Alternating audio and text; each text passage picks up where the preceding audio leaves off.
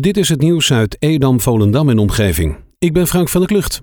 De oefenwedstrijd die FC Volendam gistermiddag zonder publiek speelde tegen Vitesse ging toch door, ondanks dat aanvaller Hilary Gong positief werd getest op corona. De Vitesse-speler keerde deze week terug uit Nigeria. Hij is direct getest en niet in aanraking geweest met medespelers of leden van de staf. Gong is in afwachting van de uitslag van de test al in thuisquarantaine gegaan. Daardoor is er geen kans op besmetting geweest en kon de wedstrijd gewoon worden gespeeld. Vitesse won de wedstrijd met 0-5. In het onderzoek naar de dood van het 14-jarige meisje uit Mark heeft de politie inmiddels vier auto's in beslag genomen. Dat meldt NH Nieuws vandaag. Zaterdag liet de politie al weten dat er in Uitdam een verdachte auto was aangetroffen die vervolgens voor onderzoek is meegenomen. Zondag bevestigde de politie dat er ook op Marken drie auto's in beslag zijn genomen. Gisteren werd er in de regio lange tijd gezocht naar auto's met schade die zou kunnen zijn ontstaan toen het 14-jarige slachtoffer op de zeedijk in Zuiderwoude werd aangereden. Het slachtoffer werd in de nacht van vrijdag op zaterdag rond 4 uur in de berm aangetroffen door politieagenten. Die agenten waren onderweg naar Marken om haar vermissing te onderzoeken.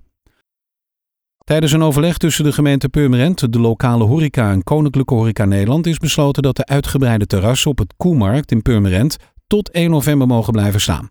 Dat meldt RTV Purmerend. Het besluit werd afgelopen week genomen en geldt alleen niet bij evenementen en markten. Er is dan simpelweg geen ruimte voor de terrasuitbreiding.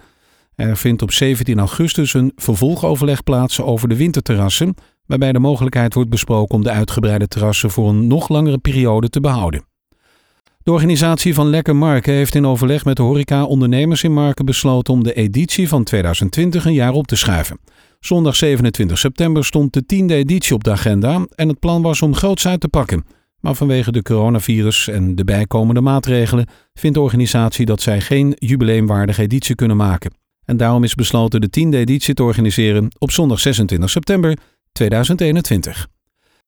De mogelijkheden om te overnachten in recreatiegebied het Twiske zijn aangescherpt, maar niet verdwenen uit het ambitiedocument van recreatieschap Twiske Waterland.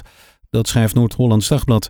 Het ontwikkelingsplan voor zowel recreatiegebied het Twiske tussen Landsmeer en Oostzaan en het Hemmeland in Monnikendam is inmiddels door het algemeen bestuur vastgesteld en de definitieve versie van het rapport dient voor het opstellen van een uitvoeringsplan dat later dit jaar aan de samenwerkende gemeente wordt voorgelegd.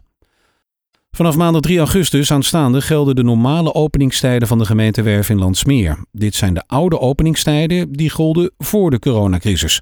Maandag, woensdag en vrijdag van 1 tot 4 en zaterdag van 12 tot 4.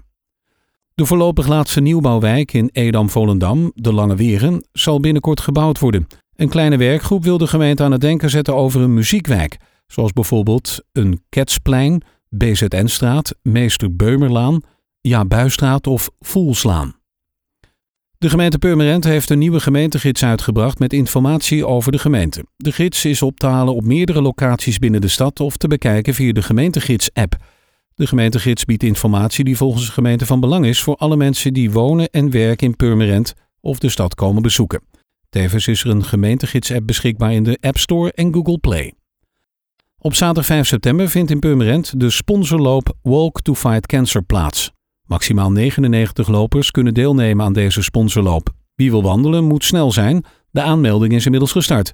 Het doel van de wandeling is naast de opbrengst van de startbewijzen zoveel mogelijk sponsorbedragen en donaties op te halen. Het evenement is een initiatief van Fight Cancer, een stichting die fondsen werft voor wetenschappelijk kankeronderzoek en preventie via KWF kankerbestrijding.